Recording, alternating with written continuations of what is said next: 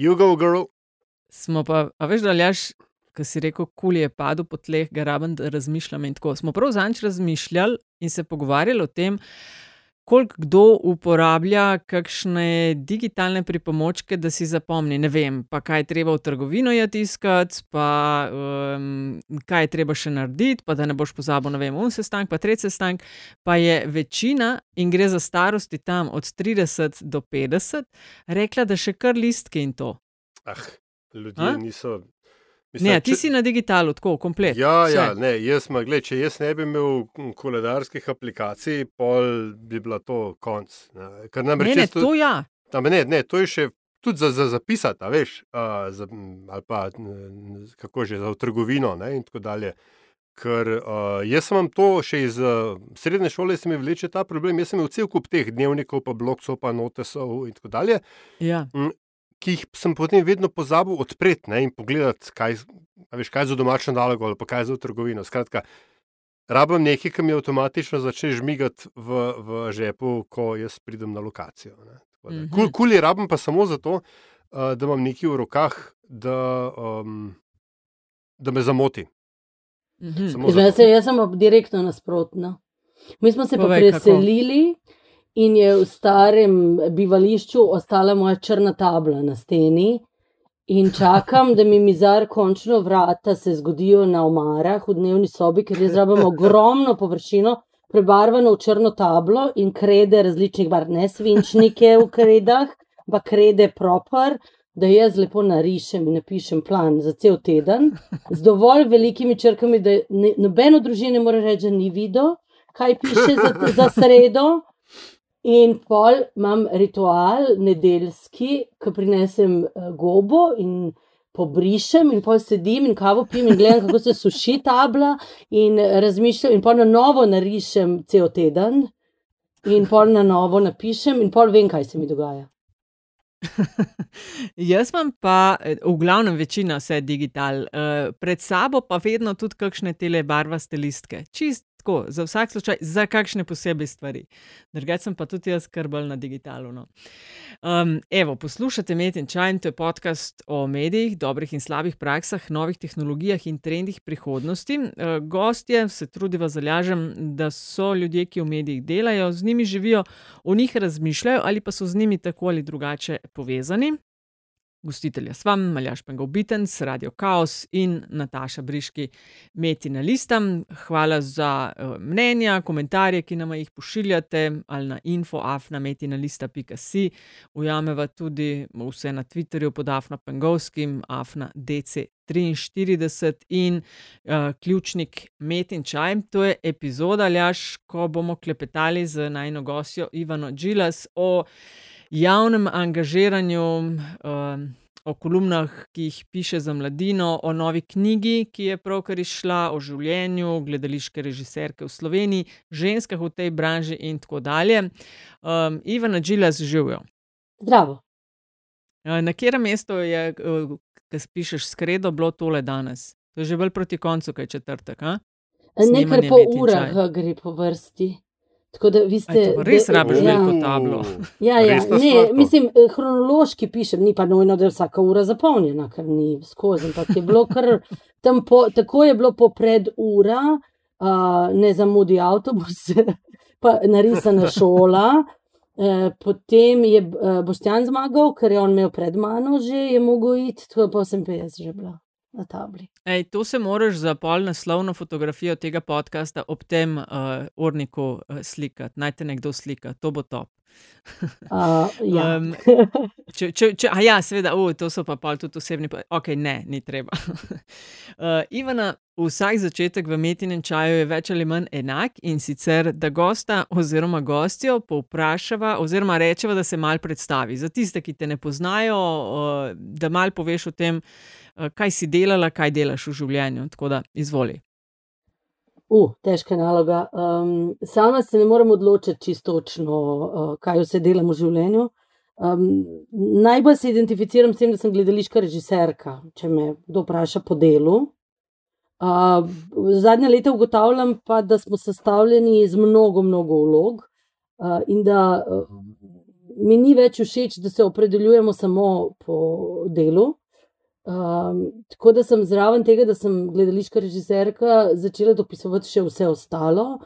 Um, pa lahko rečem, da sem um, ekonomska migrantka v Sloveniji, da um, sem ženska v moškem poklicu, da sem uh, mama otroka posvojenega, tam na pol tega, mama otroka s posebnimi potrebami. Um, kaj še? Um, se bom še kaj spomnila. Ja, no, če, če se jaz čist direkt spomnim takoj, ker uh, včeraj je bila uradna splavitev, ne, 15. oziroma čaka 15. ali 16. novembra, tvoje nove knjige. Uh, ura, žurko smo imeli 15. se žurke štejejo kot uradni. Seveda, to Ja, pa je šteje, absolutno. 15 je pol absolutno ta datum, ker takrat smo že uradni. 15. Ja, no, in v tej bomo tudi o tem klepetali med drugim, ne, ampak v kontekstu predstavljanja sebe, eh, si uh, del knjige namenila tudi, ki je pač autobiografska, tudi ukvarjanju s tvojim priimkom, Džilas, Tito, tvoja pošta, ki jo prejemaš na to. To je tudi ena alineja a, v tvojem.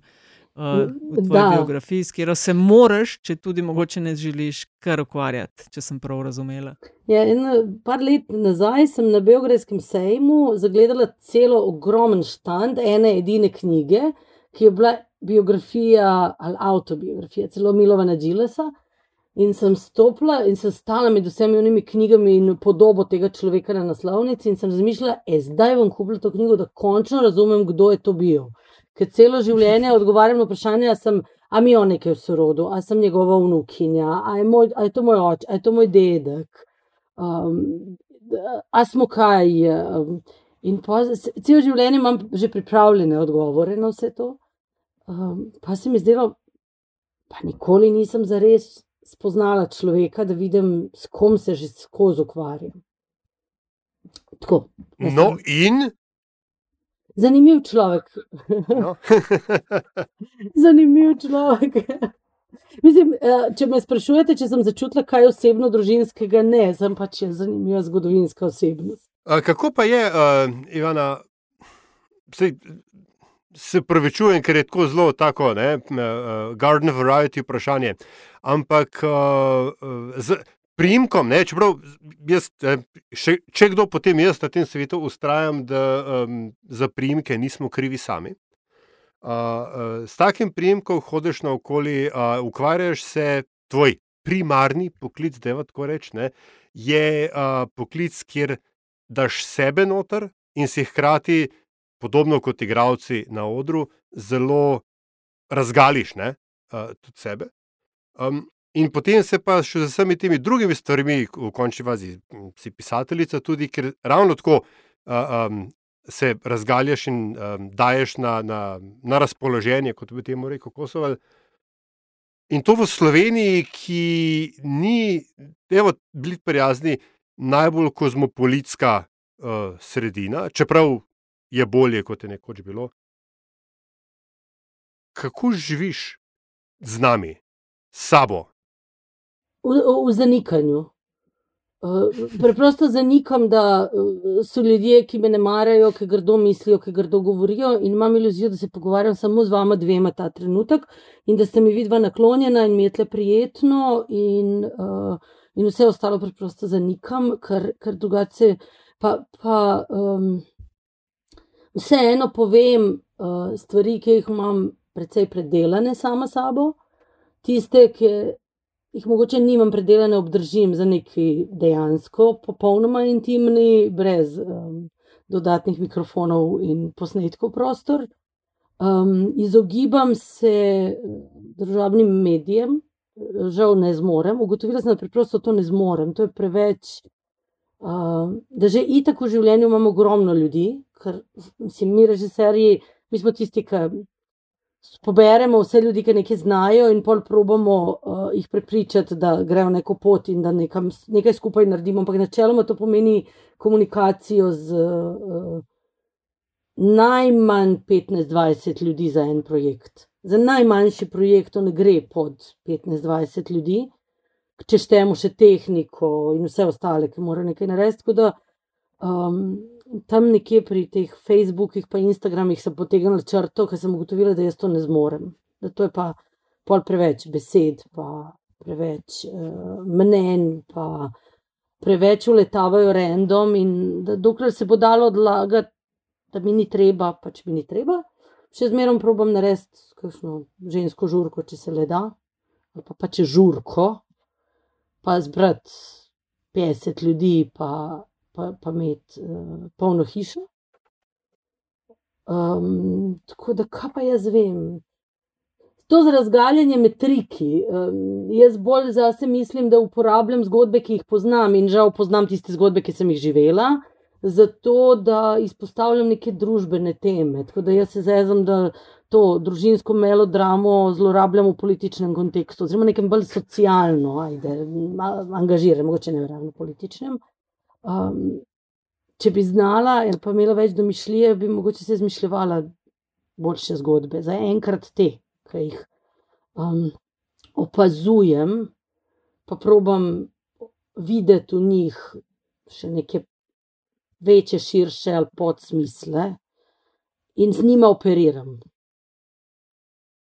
Mm. Tako To mi je nekako, prav, s- s- samo ena vinjeta. Ne, uh, zanimivo mi je, Nataša, kako ljudje, ne, kako, ki so daleko bolj usposobljeni za m, to, kar recimo mi dva počneva. To, kar uh, um, imajo tak z- imposter sindrom. A sem ga mogoče tukaj zelo rekla si, da če bi imela več domišljije, ne, da bi mogoče si boljše zgodbe izmišljala. Ja, Ampak- ampak jaz, se- jaz, jaz to drugače razlagam. Jaz pravim, da sem jaz eh, še zmeraj v, v pisanju amater, ampak ne zaradi tega, ker hočem reči, oh, jaz pišem ne, vem, ne tako dobro, drugi so boljši. Ne, preprosto logiko imam. Jaz sem v, v gledališču sem profesionalc. To ne pomeni, da jaz vedno naredim dobro predstavo. To pomeni, da ko se jaz lotim predstave, vem, da jo bom naredila, vem, da imam orodje in da imam izkušnje in da v kjerkoli padem situacijo znotraj, a je to korona, a je kdo zbolel, a je zadnji moment, a, a je padla scenografija, ni prispelo kaj iz Kitajske, kar rabim. Jaz vem, da se bom obrnila tako ali pa drugače in da, bom, da, da to znam narediti. Ta, ta mehanizem, jaz imam orodja in obrt, da lahko tistemu, ki me plačuje, ker ne pozabimo, da je to job, rečem: Ja, imel boš premiero.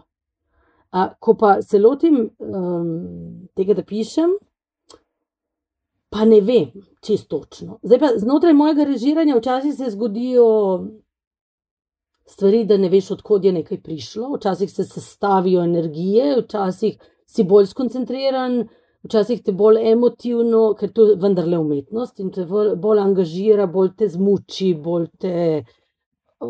Lepše se, pa mi imamo repertoar na gledališče, kar pomeni, da um, igralce uh, zbiraš iz ansambla, diplomatskim, diplomatsko in počasi z umetniškim vodjo, probaš narediti najboljšo možno kombinacijo za ta projekt, pa za sebe osebno.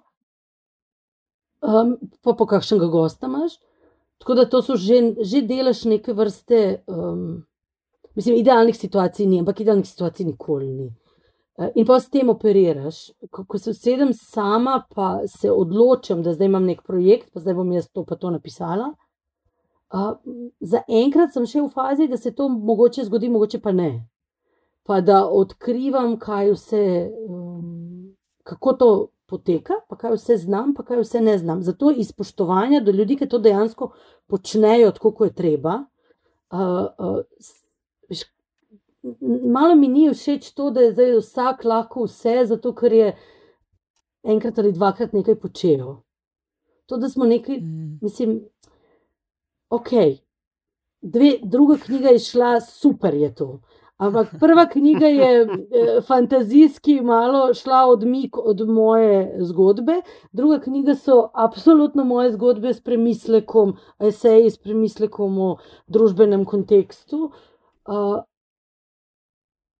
Sicer zdaj Nobelovo nagrado dobila ženska, ki piše samo o sebi. Ne vem, ne vem kaj naj si misli. Ja, ne, tako je Ja, treba, ja, Ivan. Ja, vidiš, oči, očitno res nisi za družbeno omrežje, ne? ker tam imajo danes smo strokovnjaki za uh, rusko agresijo, predtem smo bili strokovnjaki za energetsko krizo, predtem za COVID. Skratka, a veš, malo pogledaš dva YouTube videa, pa ti je vse jasno. Ne?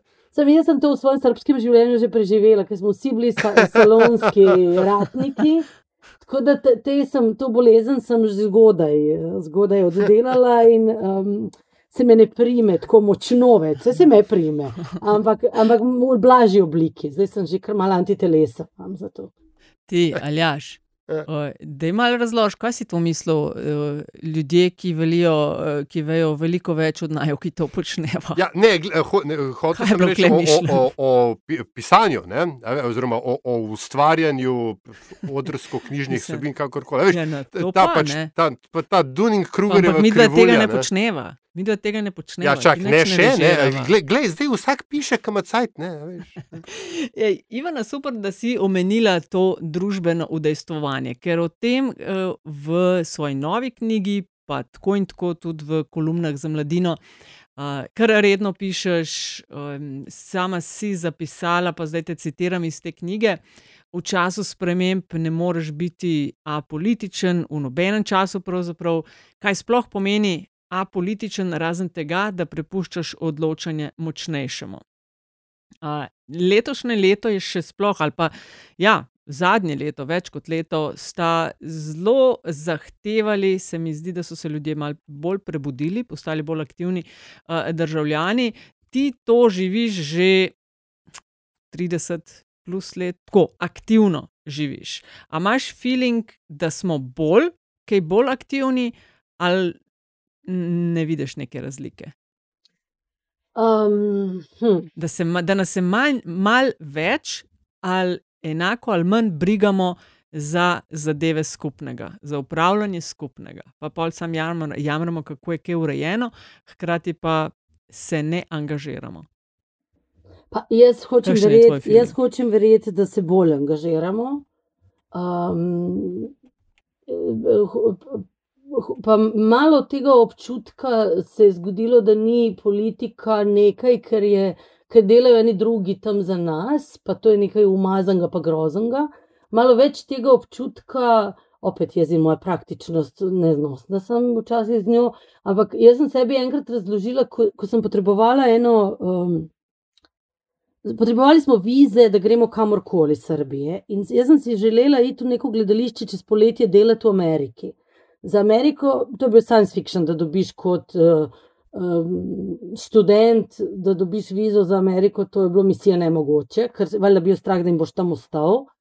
Uh, brez pravih kvalifikacij, ker še niti študija nimaš narejenega. In uh, sem se jaz lotila šest mesecev preporočil, potrdil in vsega živega za uh, to, da bom dokazala, da bom šla in da se bom vrnila nazaj. In, da, uh, in sem stala pred uh, dekankino pisarno in ona ni imela časa. Prosila sem za neko priporočilo, nič posebnega, nič posebnega. Uh, in ni imela časa, potem je ni bilo, potem ni imela časa, potem je ni bilo. In, in sem se v enem trenutku odločila, da bom sedela tako dolgo, dokler tega ne bom dobila. Zaradi tega, ker sem razmišljala, če ni študentov, pa, pa ni dekana, ker ne veš, če se biti dekan. Skratka, če malo pomislim, ona ni neka oblast, ker se jaz moram bati, ampak je ona nekdo, kdo je uradnik, ki je tu zato, da meni napiše priporočilo. Ko, ko na koncu svedeš stvari, seveda vse drugo in z vsem spoštovanjem, ampak ena od stvari je, da ona napiše to priporočilo. In to je bil tak meni mini boj, da sem tam sedela in čakala tisto moj listek. In um, tako se mi zdi, da smo se zbudili v tem smislu, da smo začeli razumevati, da so, to, da, da, da so politiki neki uradniki, ki za nas opravljajo eno delo. In zaradi nas, in brez nas jih ni, in skratka, ni to uh, stvar drugega. In uh, malo gremo ven iz te, vsaj si jaz noro želim, da bi to res bilo, mogoče pa spet živimo v zanikanju. Da gremo malo ven iz tega, da, da, da so to neki mali bogovi, pa avtoritete, pa posebni ljudje. Pa, vem. nismo pa še ven prišli iz teh negativnih selekcij. Še zmerom se gremo tega, Mhm. ah, umažeš se takoj, ko stopiš v to, in edina možnost, da se um, dostojen človek s tem ukvarja, je, da gre okoli v neke združenja, ki, so, uh, ki ne vstopajo, ki vstopajo postransko v politiko. Vem, Referendume inicirajo in tako, da ko se pa enkrat umažeš za res, ampak vsako delo, ko se lotiš, se umažeš, žal to tako je. Mm. Uh, kot angažirana gospa v javnem življenju in to javno se izpostavljaš, in s tem uh, nimaš težav, ne mislim, da jih zaradi izpostavljanja nimaš in kaj več ne slišiš, ali pa ti kaj mogoče celo tudi ne koristi. Ne? Ampak si izdala zdaj pravkar knjigo. A si lahko vsaj enkrat tiho je naslov? Uh, zmagala je pred nekaj dnevi uh, gospa, ki je kandidirala s sloganom Ne bom tiho. Ja. Uh, a imaš kakšne misli okrog uh, kandidature, zmage, rezultata, ali Um, rajš ne želiš? Ne, ne, ne, ne, super mi je vprašanje. To. Edina moja, moja prva misel je bila, um, da uh, lej, ženska je povedala, to si želim in mislim, da to bi dobro počela. In to je povedala, mislim, prvo, itak se gremo tega, tega kar jaz počnem malo tudi, da, eh, da, da sebe malo dajemo v nič, pa se malo umikamo, pa malo sramota povedati, ali pa obratno, da vse znamo, pa smo najboljši, pa nič od zadaj. Ampak to, da nekdo uh, tehno premisli, pa glede na svoje sposobnosti in zgodovino, reče: Jaz mislim, da bi to znala delati. Ne, da jaz, bi, jaz bi bila to, jaz bi bila predsednica. Ne, jaz, bi, jaz mislim, da bi to znala delati. In pol dejansko se zgodijo nek splet okoliščin, raznih, pozitivnih, negativnih, ampak ki pridejo do tega, da, da, da smo rekli, dobro, ok, ajde, izvoli, evo, probaj, delaj to. Se mi zdi fascinantno, to, to je nek preskok.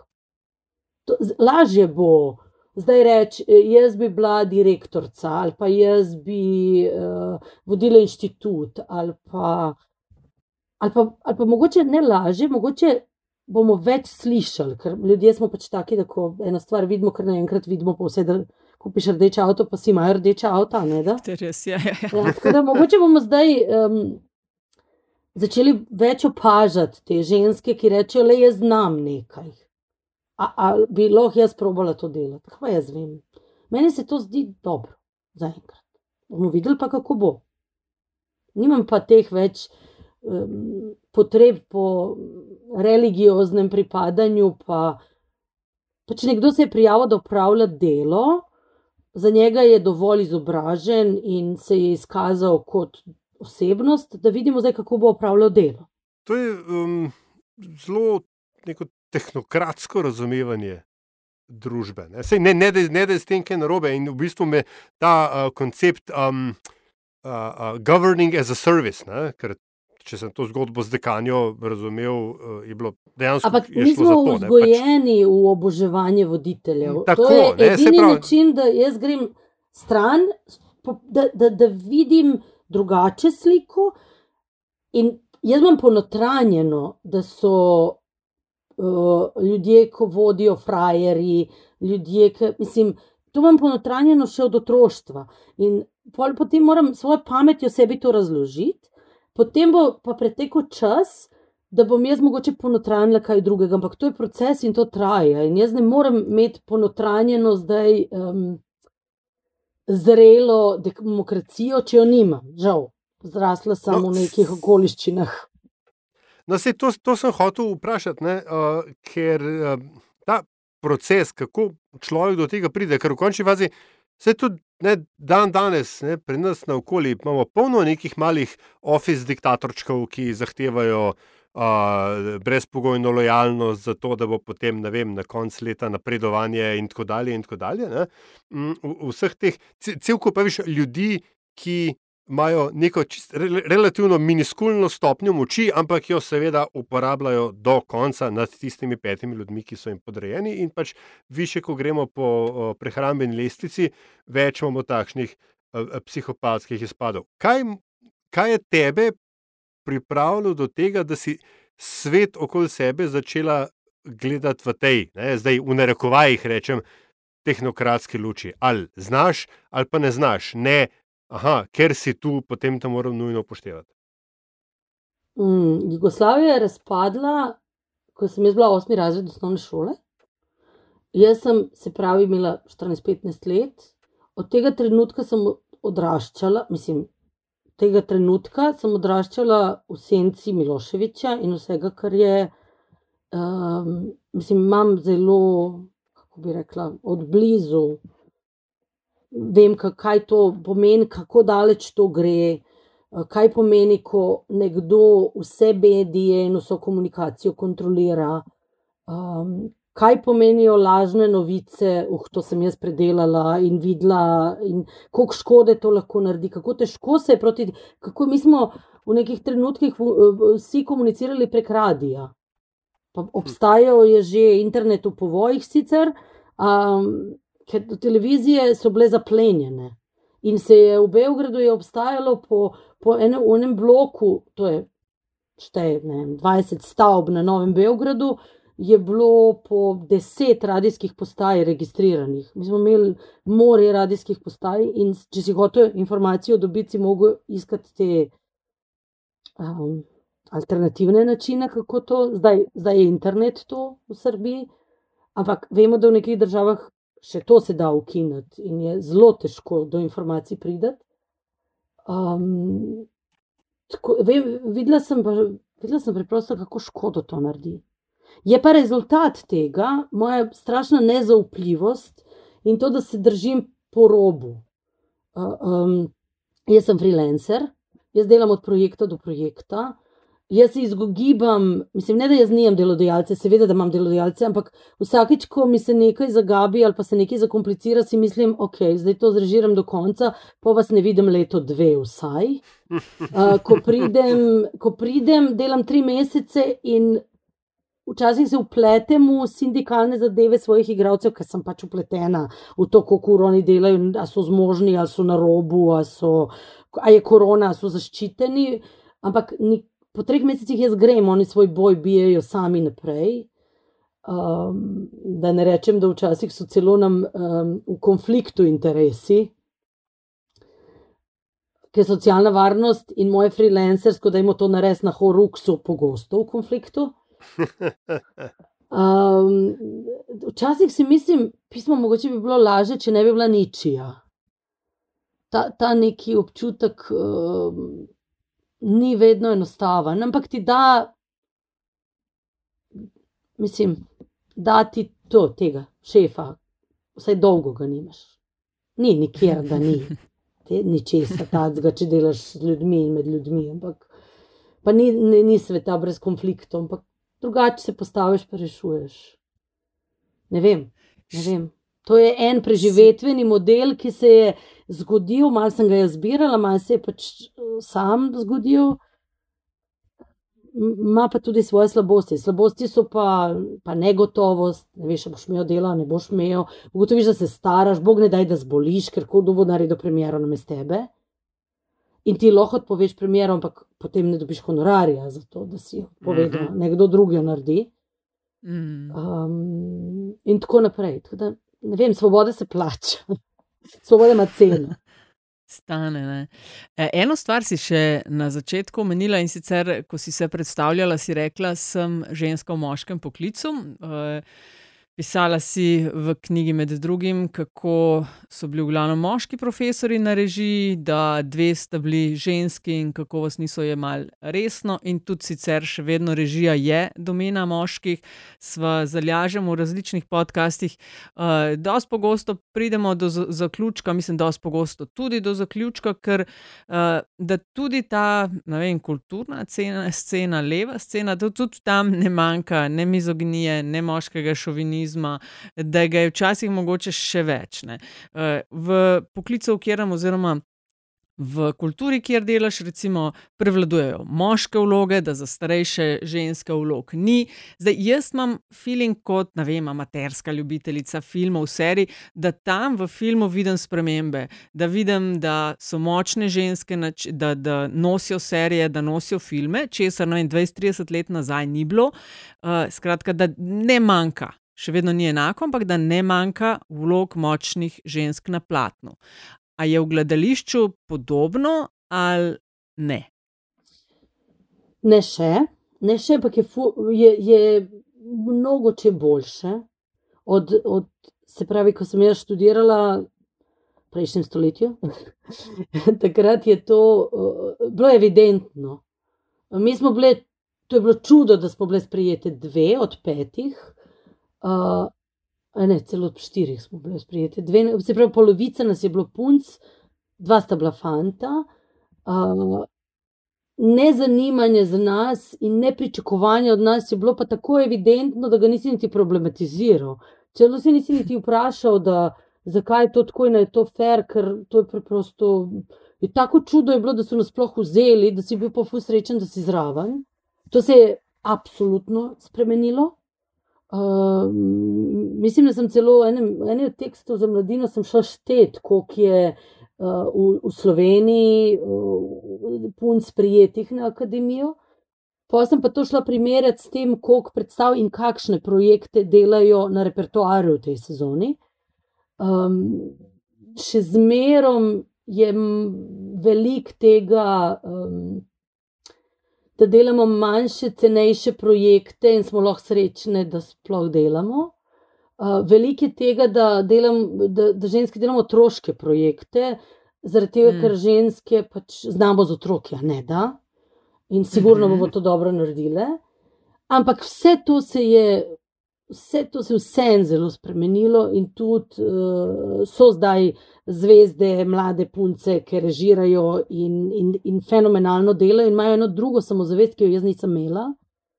Opet jaz z mojim ponotranjenim. Ampak, če imaš ponotranjeno, te skozi zavračajo, si pa frustriran, si sploh kam prišel. Uh, in in pol dolgo traja, da, da spet da bereš pogum in dojameš, da lahko prosiš za še kakšen korak dalje. Dolgo časa si pol pridna punca, preden, preden se ti zdi, čakaj malo, lahko zdaj je že počas malo zahteven, kakšne pogoje Klasika. za delo. Klasika. Ja, sej. Mislim, da, da, da te naslednje punce ne bojo tega imele več ponotranjeno. Drugačne so, ja. Srečna za njih, do, zavidam jim, srečna sem za njih. In unet pa pol, ko grejo za njimi, bojo si pa še več upale in to je opet proces. In tak je in ne gre hitreje. Ne, ne, ne, ne gre hitreje, in te, ki sledijo, so lahko drznejše, drugače samozavestne in to zaradi vseh generacij pred njimi. Tako da tudi mi danes smo, kakršne smo, zaradi gospe in gospa in gospodov, aj, gospa prav, zaradi gospa je, in gospa. gospodov, ja, pred nami, ki so delali v tej smeri. Absolutno. In je in vloge, zdaj pa to tako. Um, Um, nadaljevanke se uh, hitro pišejo, tam se je zgodilo neko, neka mala renesansa, neki nov prostor se je zgodil v teh nadaljevankah, ko so dobri pisatelji se preselili iz uh, težkih, dragih, velikih, okornih filmov na hitrejše medije, ki so se odprli s temi nadaljevankami. No, gledališče pa smo, po mojem, še bolj počasen, pa okoren. Pa, pa mediji in, in rabimo res čas. Vse bo, jaz sem prepričana, da bo. Že teme so, že, že ta zavest, da dajmo to vključevati. Um, Igravke imamo pa fenomenalne. Ko ti preživiš, zdaj pa ko pomisliš, kdo so igravke, ki so zdaj, kaj smo prej rekli, starejše vloge, kaj so te ženske dale skozi, da so ostale v tem poklicu, kaj so vse oddelale, kaj vse so one razmišljali, mislili, da so fascinantne osebe. Tako da tam imamo potencijala zelo zanimivega. No, ko si ravno omenila, ne, igravski kader. Uh, in si že prej si malo uh, to nakazovala, uh, kako upravljaš ti kot režiserka, ti kot zunanja režiserka, freelancerka. Ne? Kako upravljaš vse te velikanske ege, ki delajo slovenske igralke in igralce tako dobre, tiste, ki jih. In hkrati so verjetno včasih tudi, da sem zelo diplomatski, izziv potem, ko zastor pade. Ma meni se zdi, da so to take neke v resnici urbane legende.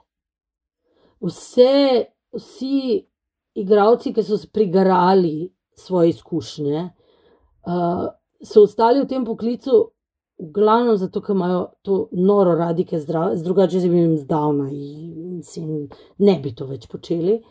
In človek, ki ima rad to, kar dela in to dela že dolgo, Ma ne ljub se mu več. Se, jaz, jaz sem, je, moja izkušnja, jaz sem mehka in starejša postajam, postajam vse bolj mehka, ker včasih res slabo za gledališče. Um, um, jaz, jaz se zogra, mislim, jaz imam rada igralce, svoje, tek, mislim, če, če pa se s kom ne razumem, pa se pa izognem, da se, da se pač in ga občudujem na odru. In, in tako da jaz z ljudmi, s katerimi delam, jaz nimam takih izkušenj, jaz, jaz strašno lepo z njimi delam. Starejša sem. Preko sem bila mlajša, sem se silno trudila, da sem profesionalna, da, da ne sedim pa pijem, pa v bifeju režiram, ampak da sem pripravljena, da vem, kaj delam, da jih prinašam. Starejša sem vse, vse več, se, se, se, jih, tako jih opazujem, pa so mi zanimivi. Pa, ne bom rekla, družim se, ampak res mi, se, so mi. Pa to, kar najboljši igravci, oni kar ne pustijo, da se stvar konča tam, kjer se tebi konča. Oni kar vrtajo naprej, pa nosijo svoje neke stvari. In tam je šele zanimivo. Ko ti nekaj daš en input, pa, pa vidiš nazaj, nekaj dobiš, takrat meni domišljija začne, začne delati. Jaz, eh, težko bi jaz prišla na papirju narisanim projektom, pa insistirala na tem, kar je v moji glavi, ker v moji glavi je omejeno. Pa pa, pa pa se ti ljudje zgodijo um, in, in njihova domišljija, in scenografija, in cela ekipa, in da ne bo pomote. In pa, se, pa, pa še le seksi postane. Tak, tam nekje še le domišljija človeku začne delati, in ko se mi to dogaja, to je. Ampak tam, ja, valjda, da ljudje imamo krize, imamo občutek, da nimamo dovolj pozornosti, imamo težko, nam je, ne gre nam, razne krize se zgodijo. Da ne govorim, da se nam na vsakem projektu zgodi kakšno življenje. Komu je otrok v bolnici, ko, umre nekdo, um, rojevajo se otroci. Um, enkrat sta mi se mi dva igralca med eno vajo ločila. Mislim, ločila, de facto ločila, ne kregala, ampak rekla, jo, sprosti, alo, jutri zamudiva na vajo, ko ima sodišče.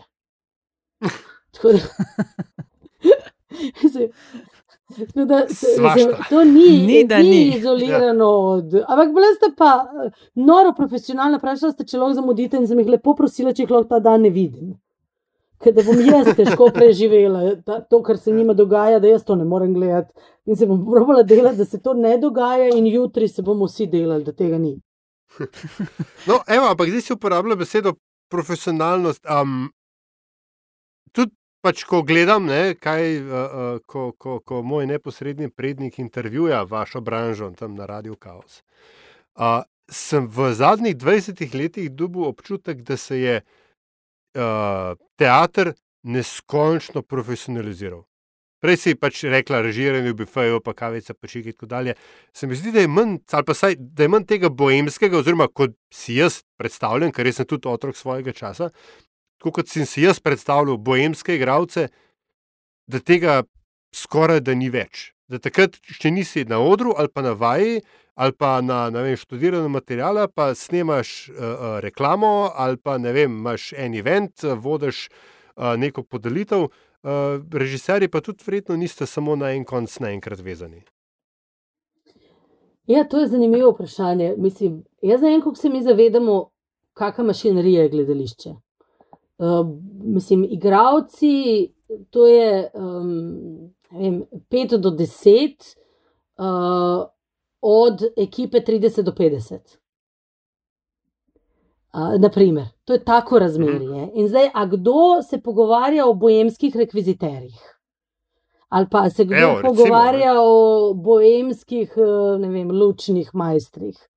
Um, tako da zdaj, a smo se profesionirali, eh, profesi- mislim, da, da ravno se nam dogaja rahlo obratno, da imamo težave s kadrom v repertoarnih gledališčih, zato ker smo mala država in zato, ker za to količino publike, ki jo imamo, če hočemo proizvesti nove in nove predstave, mislim, ne moramo iti na trg s gledališčem, ker to ne funkcionira. Uh, to že vemo, da ne funkcionira. Uh, Se pravi, da imamo to repertoarno subvencionirano gledališče, zaposlene mašinerije gledališča. In moramo proizvesti določeno število novih in novih projektov za to publiko, ki jo imamo.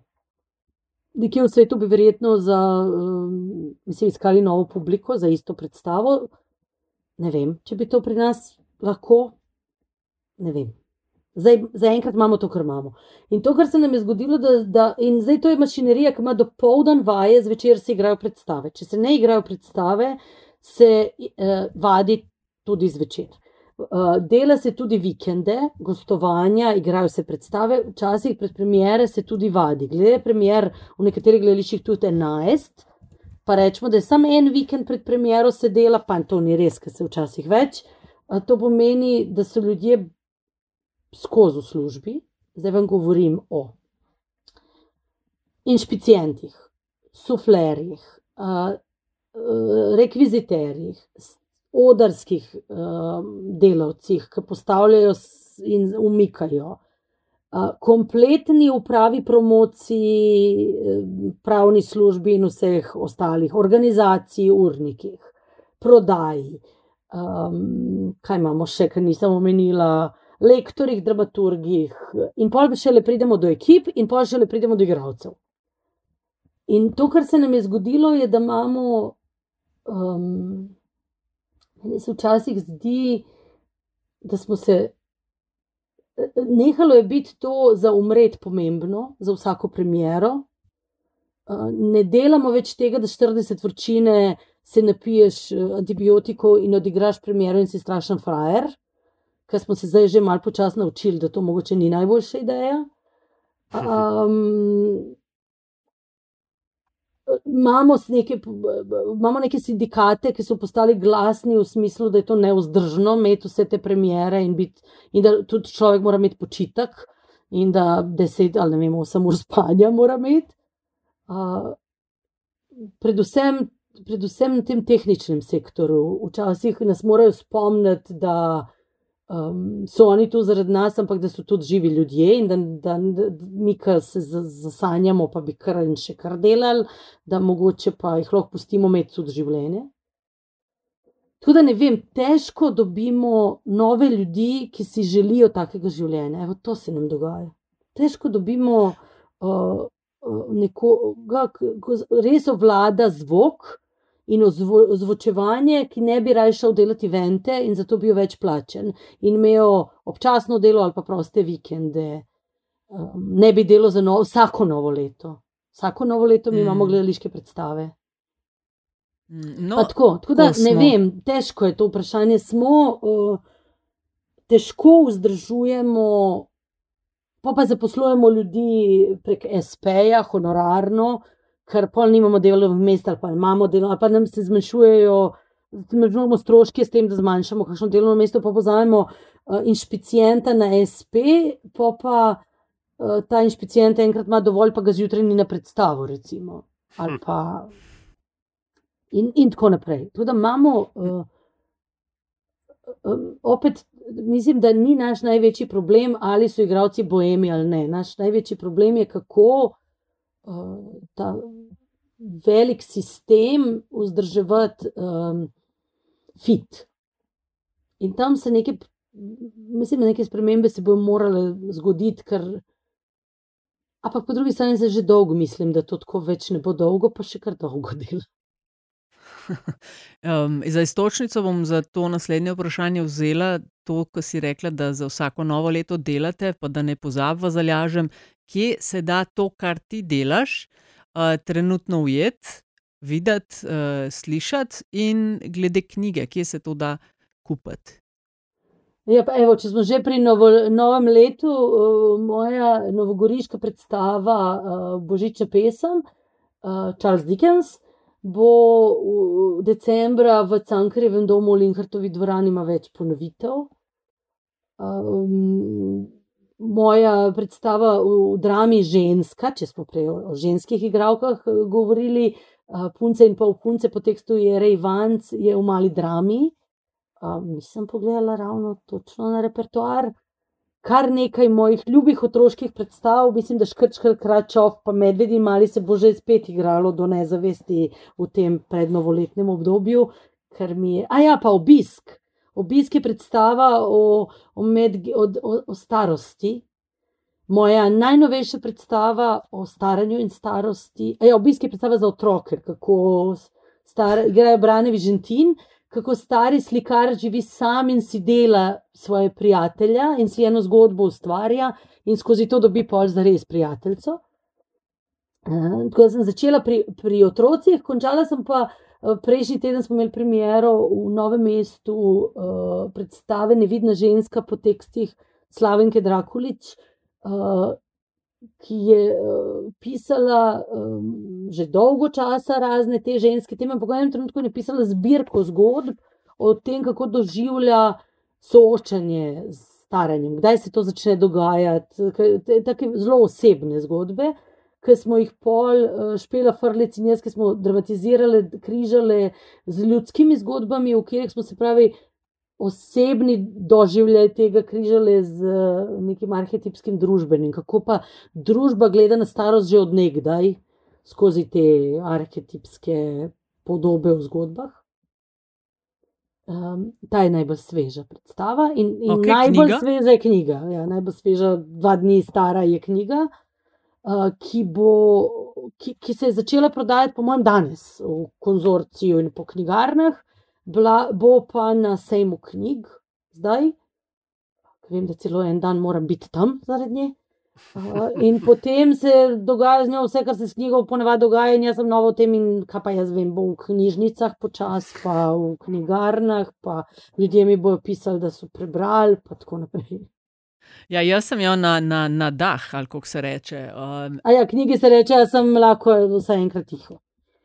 In izdala je založba Goga, verjetno to moram povedati, da, da bo ljudje vedeli, ki ne išče. se spodobi. Se spodobi. Ja, veš, kaj mi je bil eden uh, zelo močnih, najmočnejših momentov v knjigi, pa jih je veliko, vsaj jaz sem se velik, v velikih uh, uh, odsekih lahko našla. Um, delček, ko sta z, v garderobi uh, z otrokom, s svojim otrokom, in punčka oče vpraša, oče, kaj je to, in pokaže na tvojega otroka.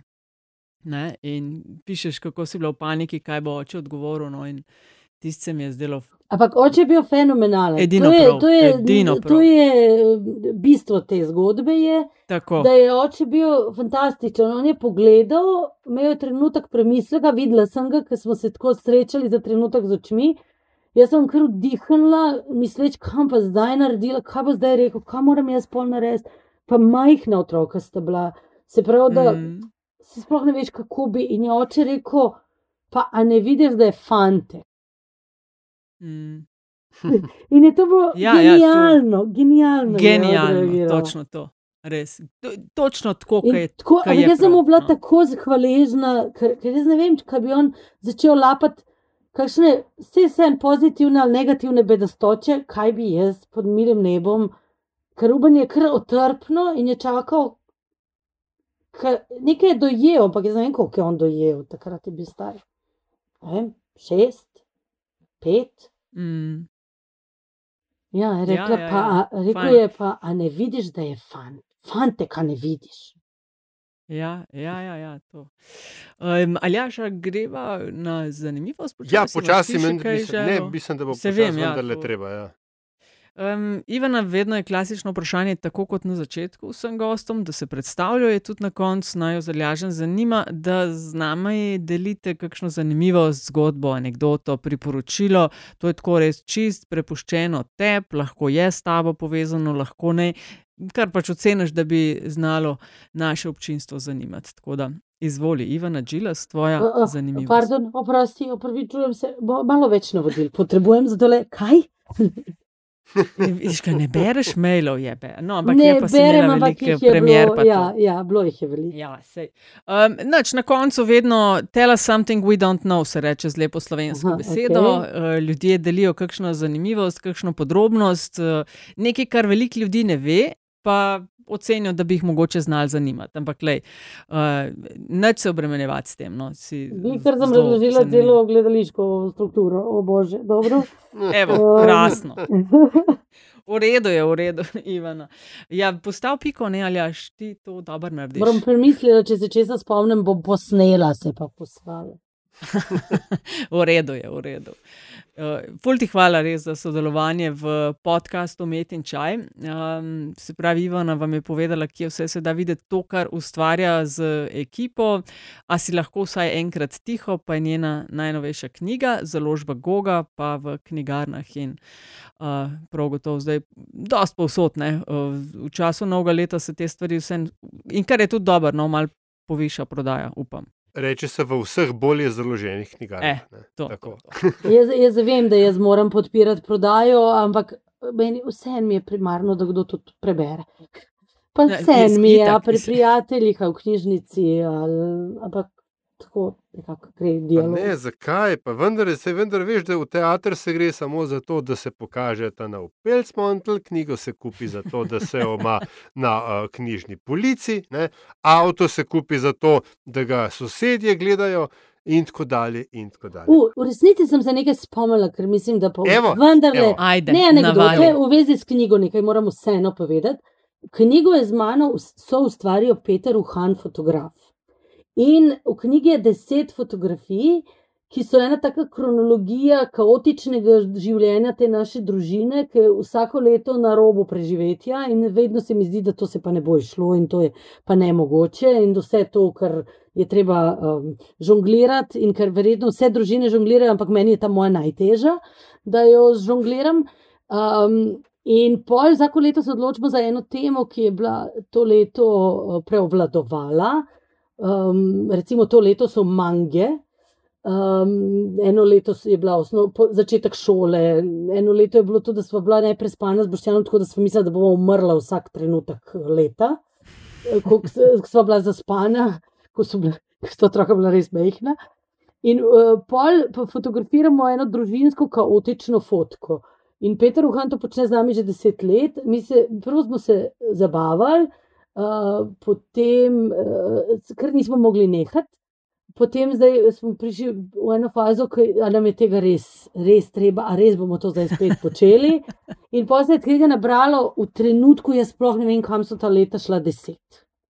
In to je del knjige. Um, zato je knjiga lep izdelek, mogoče pa res, če boš premislil, treba imeti. In, in uh, ki ima lepe te fotografije na lepem papirju, je, in je malo večja, zato da čez dve strani pridejo te kaotične fotoeseji.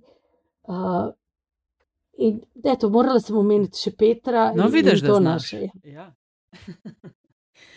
ok, Ivana Džilas, hvala lepa za gostovanje. Prosim, hvala, da ste me povabili.